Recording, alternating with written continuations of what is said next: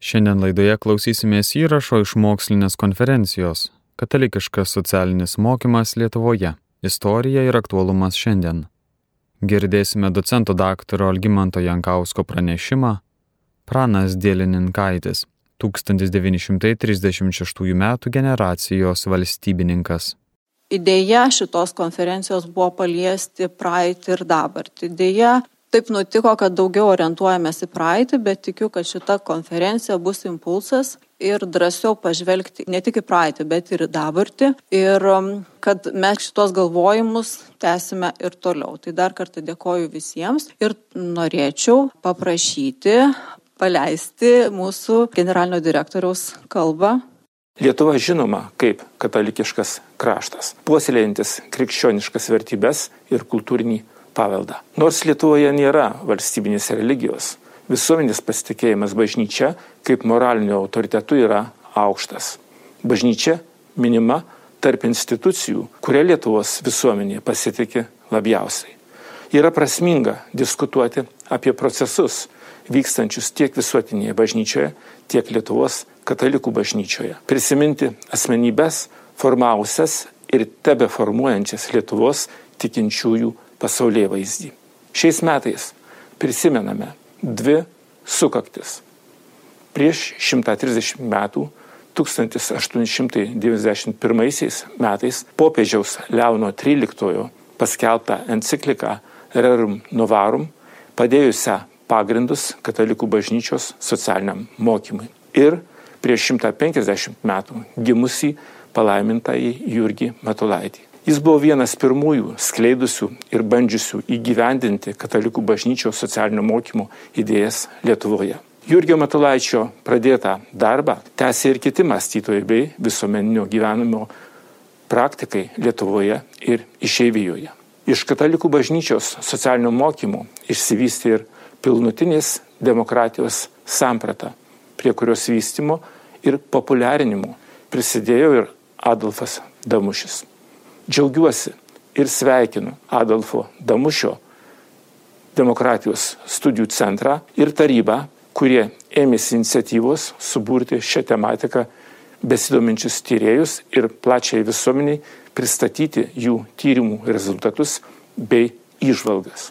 Tikiu, kad šiuo ir kitais bibliotekoje vykstančiais renginiais bei iniciatyvomis tęsėme ne tik Adolfo Damušio pradėtus darbus, bet ir prisidedame prie nacionalinės bibliotekos misijos įgyvendinimų, formuodami žinių erdvę, kuriančią vertę šiuolaikiniai Lietuvos visuomeniai. Linkiu produktyvaus darbo, įdomių pranešimų bei prasmingų diskusijų. Norėčiau perskaityti Damušio centro tarybos narės ir vienos šito centro steigėjų Gintės Damušytės sveikinimo kalbą konferencijos dalyviams. Sveikinu Adolfo Damušio politinių studijų dienos dalyvius ir stebėtojus susirinkusius svarstyti temą katalikiškasis socialinis mokymas Lietuvoje - istorija ir aktualumas šiandien. Gailestauju, kad negaliu būti jūsų tarpe, nes šiuo metu esu išvykusi už Atlanto. Nors profesorius daktaras Adolfas Damušis buvo griežtųjų mokslų specialistas, jis nuosekliai domėjosi krikščioniškąją socialinę doktriną ir jos principų įdėgymu plačiojoje visuomenėje. Veikdamas ateitininkų organizacijoje Lietuvoje ir išeivijoje, Damušis skatino diskusijas socialiniais klausimais, jaunimo susirinkimuose ir stovyklose. Kiepė visuomenėje minti, kaip yra svarbu šalia asmeninės etikos įsisamoninti ir socialinės etikos principus. Tuo būdu būtų ugdoma nauja sociali bendruomenė, iš kurios iškiltų idealistai darbuotojai visoms gyvenimo sritims plačiu tautos mastu. Socialinio solidarumo, bendros gerovės, tarptautinės demokratijos, žmogaus teisų idėjos yra labai galingas ginklas šio laikinėme pasaulyje. Jomis vadovaujasi civilizuotas pasaulis tačiau kasdien liudijame kaip autoritarai totalitarinio valdymo priemonėmis stengiasi nepaisyti silpninti ar tiesiog naikinti socialinio solidarumo ir gerovės principus bei griauti šiomis teisėmis pagrįstas santvarkas. Linkiu pranešėjams ir klausytojams geros konferencijos kuri suteiks įkvėpimo mums pasiryžti ieškoti darnesnės sintezės tarp katalikiško socialinio mokymo ir jo įgyvendinimo lietuvos kasdieniniame ir politiniame bei visuomeniniame gyvenime.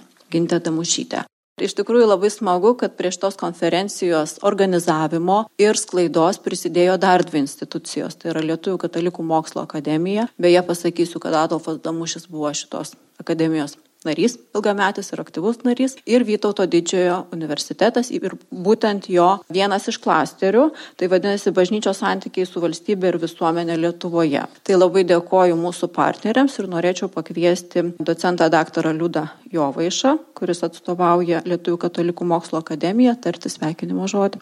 Sveiki, iš tikrųjų malonu ir garbė būti čia ir aš kaip Lietuvų katalikų mokslo akademijos pirmininkas noriu padėkoti Adolfo Damušio demokratijos studijų centrui už šitą iniciatyvą, prie kurios akademija šiek tiek taip pat galėjo prisidėti. Ir tai yra akademijai svarbu dėl to, kad pati akademija įsikūrusi 1922 metais yra tam tikra prasme to katalikiško veikimo, katalikų intelektualų veikimo visuomenėje kūrinys ir rezultatas. Ir antra vertus, pačios akademijos nariai yra skyrę ne vieną tekstą, ne vieną tyrinėjimą būtent katalikiškojo socialinio mokymo, tiek aktualijoms, tiek jo istorijai Lietuvoje. Ir čia reikėtų minėti daktarus Stasį Antaną Bačkį, Praną Dėlininkaitį, dar tarpukariu pradėjusius gvildenti šias temas pastaruoju laikotarpiu, profesorių Valdą Prusku. Taigi gera proga pažvelgti ir istoriją ir atsisprendant nuo istorijos žvelgti į šiandieną, į aktualumą ir tą katalikiškai socialinį mokymą, kurį pradėjo Leono 13 enciklika, bet tęsė ir kitų popiežių dokumentai, Pijaus 11 enciklika Kvadradėzimo Ano, kuriai sukanka 90 metų, vėliau Pauliaus 6 Populiorum progresijo ir Jono Pauliaus 2 Solicitudo Rei Socialis. Tai ar juose išsakytos idėjos tebėra aktualios ir šiandien? Tai manau, kad iš tikrųjų vienos iš aktualiausių temų ir dabarties visuomenė, ir mūsų Lietuvoje šiandien vienos iš karščiausių temų. Tai yra žmogaus asmens orumas, jo teisų ir laisvių garantijos, rūpestis šeima, darbo įvertinimas ir socialinis teisingumas bei socialinio totrukio mažinimas, bendrojo gėrio supratimo ir solidarumo ugdymas, adekvatus valstybės vaidmuo visuomenės gyvenime, pagarba gamtai, vartojimo ir išmetimo kultūra, visos šios temos jau yra gvildentos būtent šiuose enciklikose. Na ir šiandien galbūt ir migrantų krizės akivaizdoje galime prisiminti, kad pati seniausia bažnyčios praktika ir krikščionybės socialinis išskirtinumas antikos pasaulyje apskritai buvo pašaukimas palengvinti vargą artimo ir tolimo, savo ir svetimo, dalyjantis ne vien pertekliumi, bet ir tuo, kas būtina. Ir enciklikoje Solicitudo Rei Socialis Jonas Paulius II sako taip, reikalui esant negalime suteikti pirmenybės bereikalingam bažnyčių puošimui ir brangiems kulto daiktams. Priešingai, šiuos turtus būtina panaudoti aprūpinant duoną, gėrimu, drabužiais ir gyvenamojų plotų tuos, kurie jų neturi. Tokia pakankamai eretiška mintis e, mūsų aktualių kontekste. Na ir trečias dalykas, tai turbūt e, kasgi yra tas katalikiškasis socialinis mokymas ir kas jis nėra. Tai pirmiausia, nėra ideologija, nėra trečias kelias tarp kapitalizmo ir socializmo. Katalikiškasis socialinis mokymas pats savaime sudaro kategoriją. Tai atidaus apmąstymo apie sudėtingą žmogaus egzistencijos visuomenėje ir tarptautinėme kontekste tikrovę rezultatų susimavimas remiantis tikėjimo ir bažnytinėmis tradicijomis. Pagrindinis tikslas - katalikiškojo socialinio mokymo aiškinti tą tikrovę, orientuoti krikščioniškai elgesį. Štai kodėl šis mokymas priklauso ne ideologijos, o teologijos, ypač moralinės teologijos sryčiai, taip sako Jonas Paulius II. Na ir žinoma, kad šiuo požiūriu katalikiškasis socialinis mokymas akcentuoja ir formuluoja tam tikrus bendriausius principus, kuriuos konkrečiai turime pritaikyti kintančiose situacijose, istorinėse situacijose, politinėse aplinkybėse. Taigi tai reikalauja ir kūrybiškumo, išvalgumo iš įvairių epochų žmonių. Tai nėra kažkoks sausas teorijos įgyvendinimas, bet būtent reikalaujantis kūrybiškumo. Ir trečias dalykas turbūt irgi svarbus pabrėžti, kad katalikiškasis socialinis mokymas, formuluojamas Romos katalikų bažnyčioje, nėra skirtas išimtinai katalikams bažnyčia kreipiasi į visus. Ir savo vėlgi enciklikoje Jonas Paulius II sako, šį kvietimą tiesiogiai siunčiu tiems, kurie su mumis dalyjasi Abraomo, mūsų tikėjimo tėvo palikimu ir Senojo testamento tradicija. Žydams ir tiems, kurie kaip ir mes tiki teisingą ir gailestingą Dievą musulmonams. Na ir manau, kad galima tą apeliaciją ir pratesti. Ir taip pat sekuliariai visuomeniai, kurią dialogą svarbu plėtoti. Tai to dialogo ir linkiu. Ačiū. Norėčiau perskaityti dar vieną sveikinimo žodį, trumpą.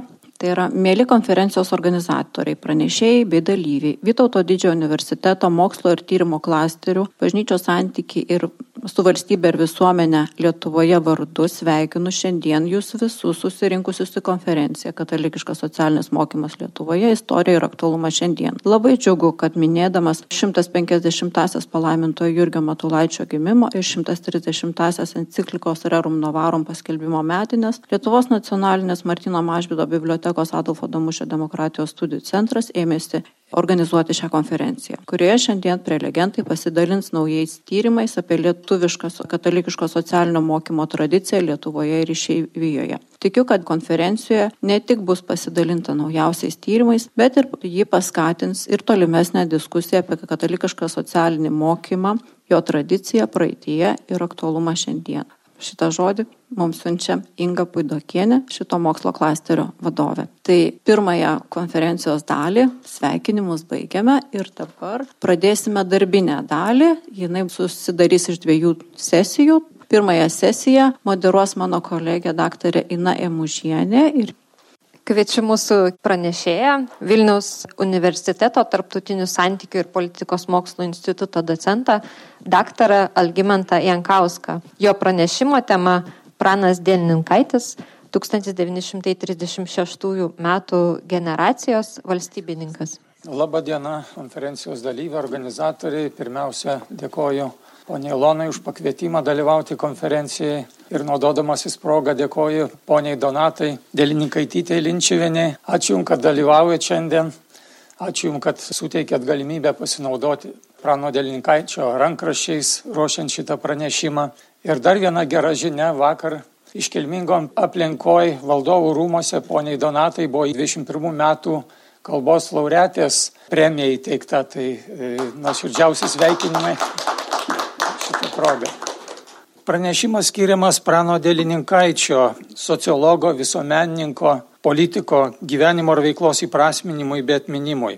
Dėlininkaitis pristatomas kaip 36 metų generacijos atstovas, jaunųjų katalikų sąidžio aktyvus dalyvis, deklaracijos į organiškosios valstybės kūrybą signataras, dienraščio 20 amžius teigėjas ir redaktorius, pagaliau autoritetingas darbininkų reikalų gynėjas. Pranešimo epigrafu pasirinkau Jozo Ambrazevičiaus Brazaičio žodžius apie Delininkaitį. Kas jį pavaduos, tokio dar neturim. Kalbant apie katalikišką socialinį mokymą ar veikimą pirmoje Lietuvos Respublikoje, pranas Delininkaitis šios temos ir srities autoritetas. Katalikiškasis mokymas popiežių Leono XIII, Rerum Novarum ir Pijaus XI quadragezimo ano enciklikos buvo jo pasaulyje žiūros bei veikimo atskaitos taškas ir gairis. Idėjomis apie korporatyvinę santvarką, socialinio gyvenimo reformų siūlymais dėlininkaitį žadino katalikišką visuomenę permainoms. Ką Vokietijoje atliko Emanuelis Keteleris, Austrijoje Vogelsangas, Šveicarijoje Dekurtinsas, Lietuvos socialinėme katalikiškame sąjūdėje nuveikė Pranas Dėlininkaitis. 35 metais žodė į katalikus, inteligentus, darbininkų reikalų. Jis ragino įveikti vis didėjančią prarąją tarp naujai išaugusios inteligentijos ir plačiųjų masių. 20-ame amžiuje ėmėsi redaguoti darbininkų reikalų skyrių pavadinimo darbas ir duona. Kartu su Pranu Davidaičiu darbininkus telkė į Krikščionių darbininkų sąjungą. Pranas Dėlininkaitis nebuvo kabinetinis intelektualas. Jis brandino socialinės idėjas tam, kad jas įgyvendintų, kad jos pasiektų žmonės. Jis mėgo būti su žmonėmis, pokalbių dalyvių nesirinkdavęs, rasdavęs bendrą kalbą ir su kiemsargiu, ir su šoferiu. Tai, kad darbininkų nebuvo gausu, tarp gėlėmis pasitinkančių Raudonąją armiją 40 metų birželio 15 dieną, o birželio sukilimui prasidėjus Kauno fabrikų darbininkai vieni iš pirmųjų ėmėsi ginklo, yra reikšmingas prano Dėlininkaičio organizuoto veikimo nuopelnas. Neatsitiktinai pranas Dėlininkaitis, kaip ir jo bendramintis Ignas Krupskelis, jau 40 metų Liepos 11-12 naktį bolševikų areštuotas, kalintas Kauno sunkiųjų darbų kalėjime, vėliau 9 forte, už akių nuteistas 8 metams kalėti Vladivostoko sunkiųjų darbų kalėjime. prasidėjus Birželio sukilimo ištrūkęs į laisvę, to jau pat pasinėrė į politinę veiklą. Padėjo formuoti laikinąją vyriausybę, redagavo laikraštį į laisvę, trumpai ėjo darbo ministro pareigas, o vėliau dėstė universitete, buvo sociologijos ir žurnalistikos katedros vedėjas.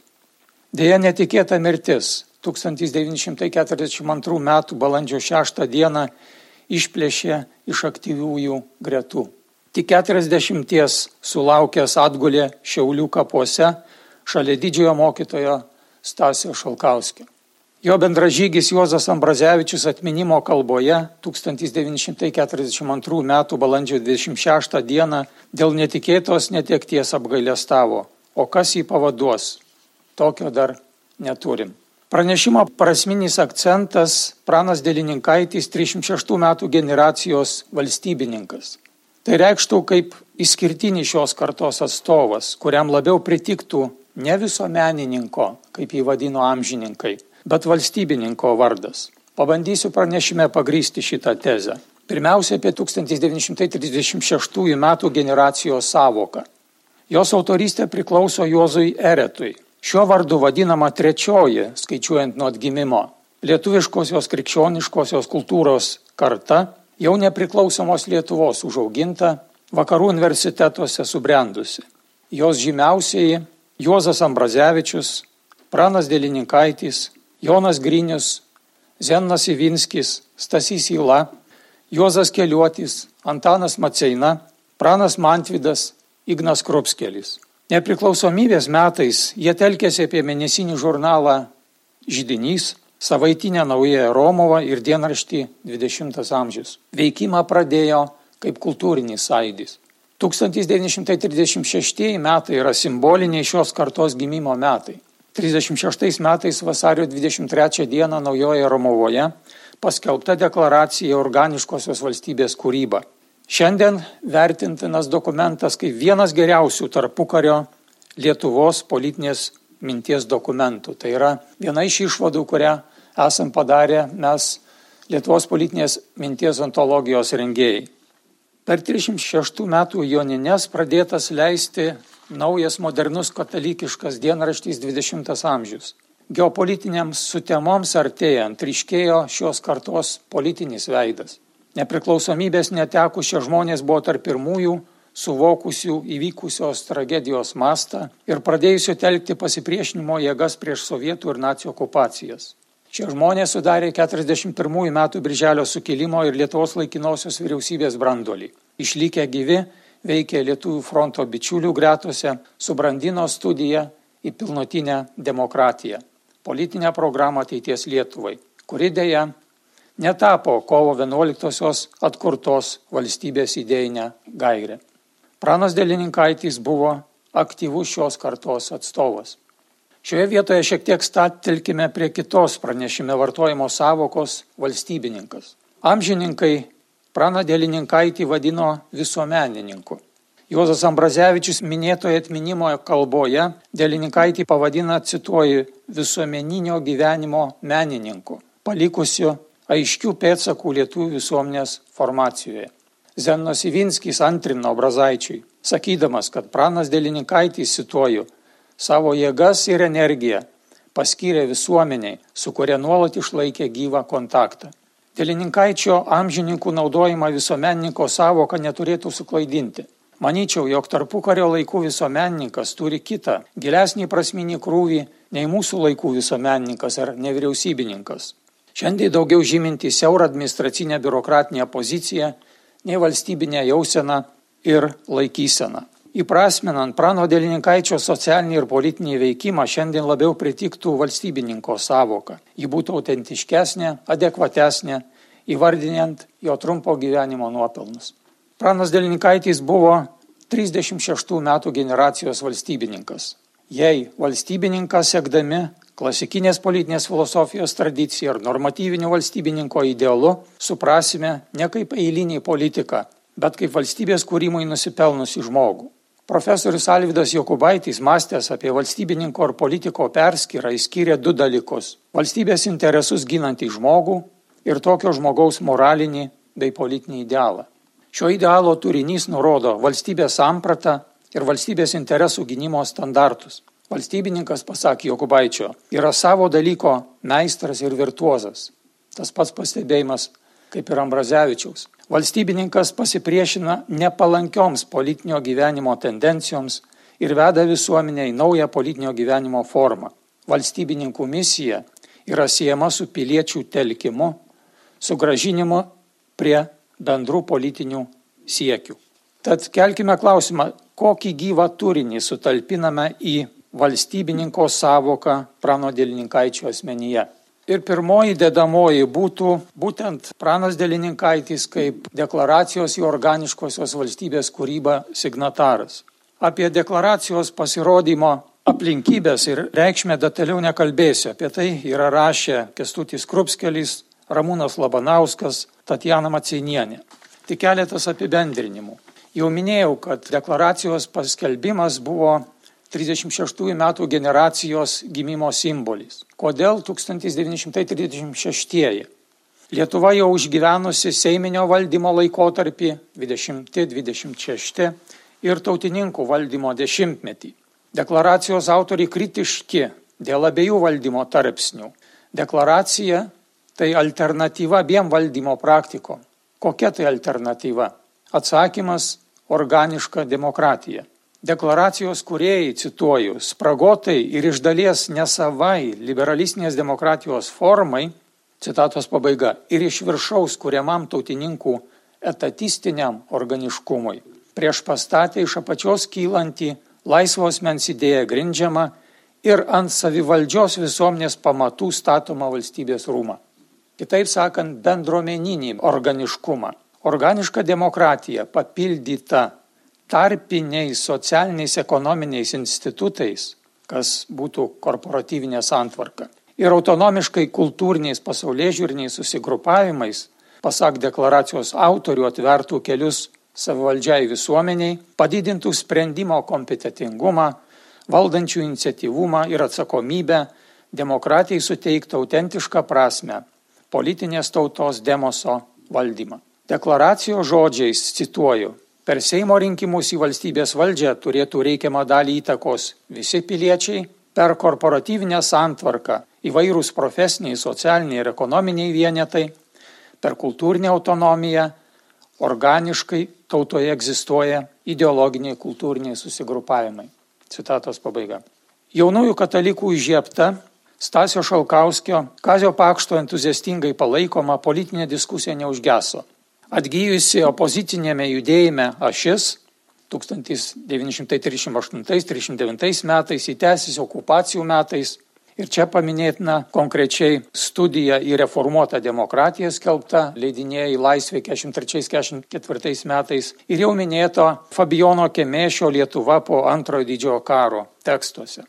Išeivijoje išlikę gyvi ir susitelkę Lietuvų fronto bičiulius Šitos kartos žmonės paskelbė 1954-55 metais studiją pavadinimu į pilnutinę demokratiją. Signataro statusas reiškia, kad pranas Dėlininkaitis buvo ne tik vienas iš šešiolikos pasirašysiųjų deklaraciją. Dėlininkaitis buvo vienas iš deklaracijos autorių ir oliausių deklaracijos idėjų skleidėjų. Šį faktą patvirtina jo parašas ant deklaracijos rankraščio. Nėra bejonių, kad Dėlinkaičio plunksnai priklauso deklaracijos svarstymo apie korporatyvinę santvarką dalis. Dėlinkaičio pasiūlyta etatistinio ir draugijinio korporativizmo skirtis yra svarbus argumentas polemikoje dėl deklaracijos autoriams metamo fašizmo šešėlio. Plačiau apie polemiką galima paskaityti Kestučios Krupskelio straipsnį tarimasis jaunųjų katalikų fašizmas publikuotas naujajame žydinė 29 metų ketvirtajame numeryje. Dalininkaičio korporatyvinės santvarkos idėjos vėlesniuose pilnutinės demokratijos palikimo tekstuose evoliucionavo į socialinės demokratijos savoką. Antras jo kaip valstybininko diemo, būtent jo yra jo veikla ir dalyvavimas ašies opozicinio judėjimo organizatoriaus vaidmenyje ir šito judėjimo programinis dokumentas Lietuvos ateities antvarkos pagrindai 38 metais paskelbtas. Kaip minėjau, 1936 m. generacijos žmonės buvo tarp pirmųjų suvokusių artėjančių geopolitinių lūžių pavojus Lietuvai, prisėmusių moralinę pareigą telkti tautą ir rūpintis valstybės saugumo. Pranas Delinikaitis, vienas iš šios kartos atstovų, ėmėsis ryštingų politinių veiksmų. Jo pavardė dažnai minima tarp judėjimo ašis organizatorių. Ašis tai 1938-39 metų organizuotas opozicinis tautininkų režimo judėjimas, vienijas krikščionių demokratų, valstiečių liaudininkų ir valdemarininkų atstovus, siekęs pakeisti vienpartinį tautininkų valdymą nauja veiklia, plačiųjų Lietuvos gyventojų sluoksnių pasitikėjimą turinčią vyriausybę. Programinėme judėjimo dokumente Lietuvos ateities antvarkos pagrindai, kurio autoris yra Pranas Delinkaitis, teigiama, cituoju, gyvenamas metas tiek yra rimtas, kad mūsų akise vyksta atsitikimai gali ilgam nulemti lietuvių tautos ir valstybės likimą. Tokią valandą kiekvienas žmogus, vis viena kas jis būtų, privalo jausti moralinę pareigą savosius veiksmus bei sprendimus derinti su visos tautos ir valstybės reikalais. Visų pirma, valdžia turi būti betarpiškame ir nuolatinėme kontakte su valstybės piliečiais. Ji privalo sudaryti tokias gyvenimo sąlygas, kad visi piliečiai, vis viena kokios padėties ar pažiūrų, jie būtų, jaustų vienodą reikalą ir vienodą moralinę pareigą valstybės saugumu susirūpinti ir jos nepriklausomybę ginti. Ilgo citata, bet akivaizdu, kaip jie aktualiai skamba ir mūsų dienomis. Įsipildė dar jaunystėje pranui Delininkaičiui mokytojaujant pasakyti kunigo Mykolo Krupavičiaus žodžiai. Cituoju, tu broli neiki pedagogus, tau pritiktų labiau politika. Citatos pabaiga. Už opozicinį veikimą ašyje pranas Delininkaitis tautininkų valdžios buvo suimtas ir nuteistas. Tik dukrelės Donatos gimimas ir aktyvūs bendražygių protestai privertė vidaus reikalų ministrą pakeisti sprendimą. Varnių koncentracijos stovykla pakeista namų arešto gimtuosiuose Juškose. Ašis dėja dėl vidinių nesutarimų, pirmiausia dėl įsiskyrusios valdymarininkų radikalios pozicijos galios neįgyjo, viltys esmingai pakeisti tautininkų režimą blėso. Lietuva 1940 m. okupacija pasitiko be pasipriešinimo. Ir trečia dedamoji, kurią aš grindžiu jo kaip valstybininko statusą, yra darbininko autoritetas. Dovydaičio ir Dėlininkaičio duetas Krikščionių darbininkų sąjungoje. Pranas Dovydaitis ir Pranas Dėlininkaitis duetas lietuviškam Krikščionių darbininkų sąjūdžiai suteikęs naują impulsą.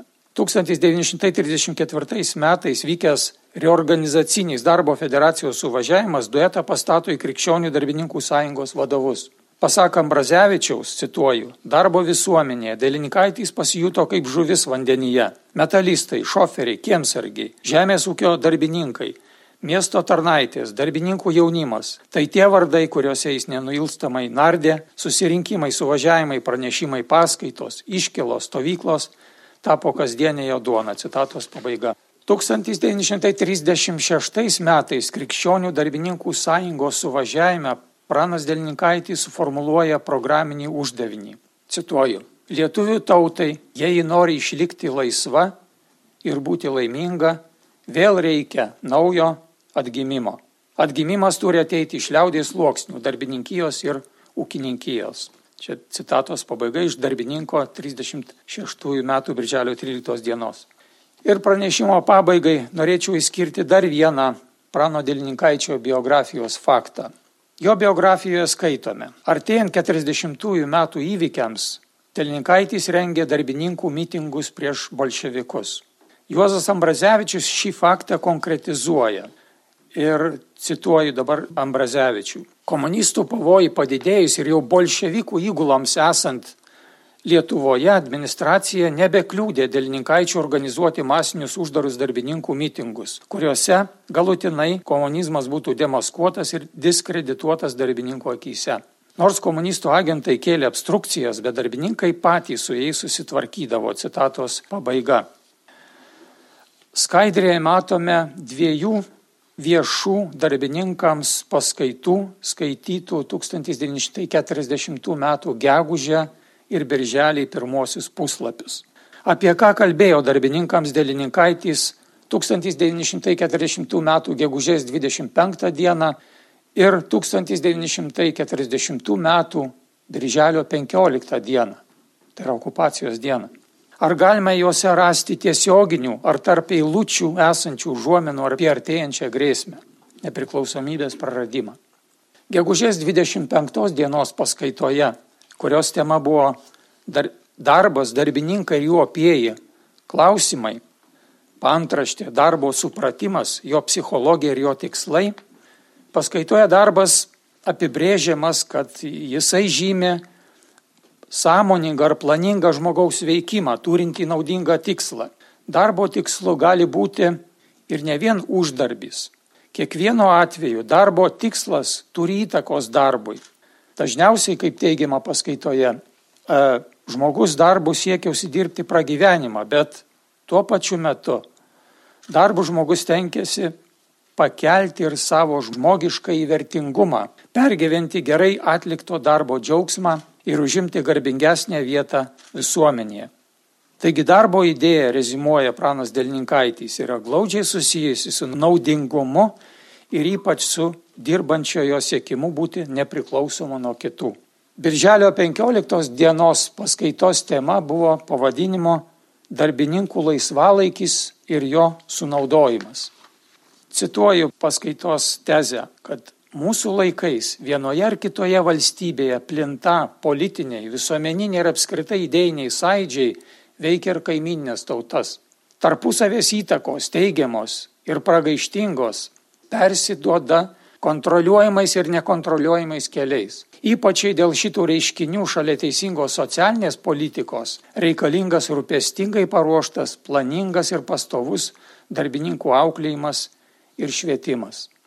Tokia viena iš pagrindinių tezių buvo Birželio 15 dieną ir viena iš išvadų daromų, galvočiau, buvo jau tiesioginė nuojauta artėjančios grėsmės. Cituoju, rūpintis darbininkų auklėjimu ir švietimu reikalauja ne tik socialinis teisingumas, bet ir viešoji visuomenės tvarka. Citatos pabaiga. Ir trumpas apibendrinimas. Pranas Dėlininkaitis pirmasis Baltijos šalyse profesionalus profesionalus e, sociologas, aktyvę socialinę ir politinę veiklą nusipelnantis valstybininko rango. Valstybininkas, žymintis įskirtinai valstybės interesus ginantį žmogų, jo moralinį ir politinį idealą, prano dėlininkaičio asmenyje reiškia jį kaip pilnutinės demokratijos tradicijos kurėją, jo apsisprendimą aktyviam politiniam veikimui artėjant lemtingiems tautos ir valstybės gyvenimo įvykiams, autoritetingą veikimą krikščioniškosios darbininkijos gretose.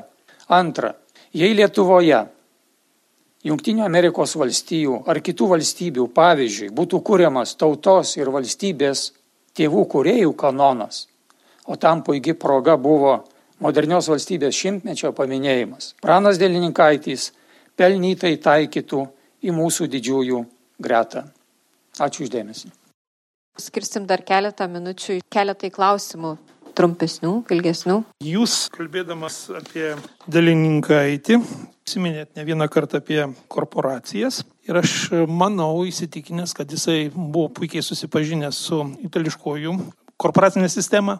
Sakykit, ar tai jo idėjas perėjo kai kurios itališkojų korporatizmo idėjos, kur, kuriant savo tą sistemą, deklaraciją, kuriant korporatyvinę santvarką. Ar itališkos, musoliniškos idėjos buvo perimtos. Tai trumpas atsakymas ne, nes yra tikrai akivaizdi skirtis tiek de, pačiam deklaracijos dokumente, tiek paskiau sekusiuose tekstuose, ten naujojo Romovoje, kitose leidiniuose, kurie paaiškino, išplėtojo deklaracijos idėjas.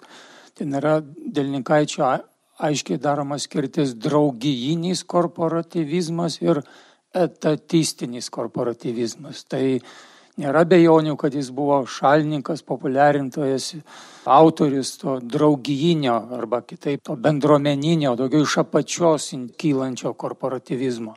O žinia, tas statistinis arba musoliniškas korporativizmas, tai nu, daugiau iš viršaus valstybės jau diktuojamas. Bet kodėl ta korporacijos idėja atgyja tarpu kariu, čia būtų dar bendresnis klausimas.